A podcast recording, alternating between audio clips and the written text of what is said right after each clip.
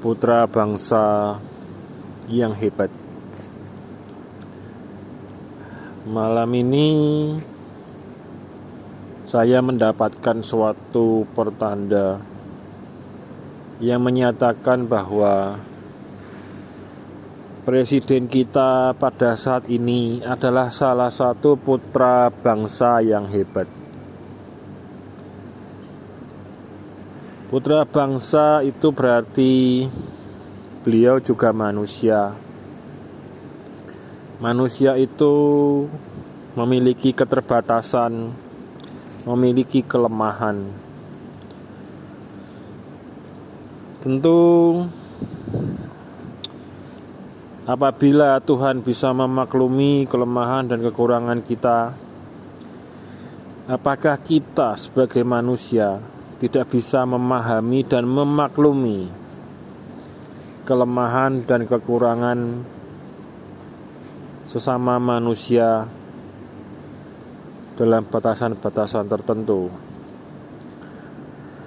Pada realitanya, banyak sekali manusia yang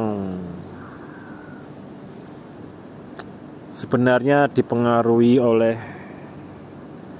demon atau iblis yang mau melebihi apa saja yang ada pada Tuhan Yang Maha Esa termasuk menghakimi manusia seakan-akan dialah yang sebagai Tuhan. Padahal Tuhan itu bisa memaklumi dan memahami kelemahan dan kesalahan manusia, termasuk memaafkannya, kemudian memulihkannya. Tetapi bagaimana dengan manusia, terutama manusia-manusia yang dikuasai oleh iblis dalam batasan-batasan tertentu? Bapak Presiden kita adalah salah satu putra bangsa yang baik secara spiritual. Itulah yang disampaikan oleh Isa Al-Masih kepada saya. Saya adalah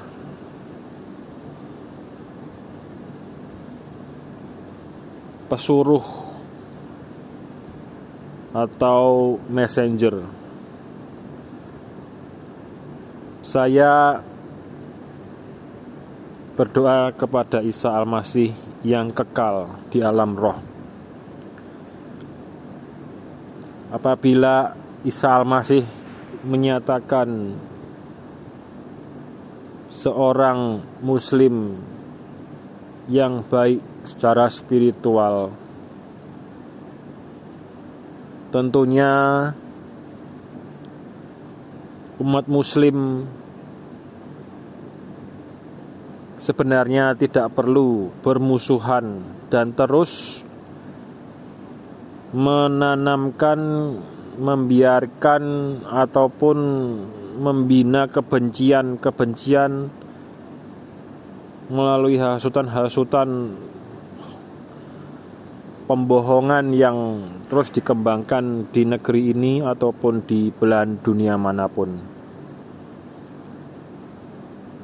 Yang pernah saya pelajari bahwa nabi kalian itu pun menghormati dan mengakui Isa Al-Masih itu rohullah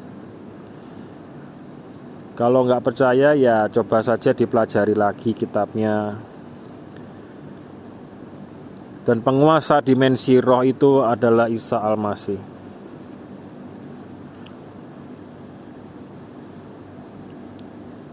Tuhan yang Maha Esa itu memiliki teknologi yang tidak dibatasi oleh ruang dan waktu, tidak dibatasi oleh hal-hal logos termasuk tidak dibatasi oleh agama-agama. Dia adalah roh. Allah itu roh. Roh itu tidak dibatasi oleh ruang dan waktu dan tidak dibatasi oleh dimensi materi.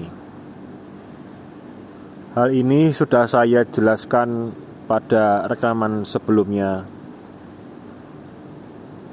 bahwa Allah itu roh. Kembali kepada putra bangsa Indonesia yang baik. Kita memasuki era kesusahan dunia yang baru. Hendaklah kita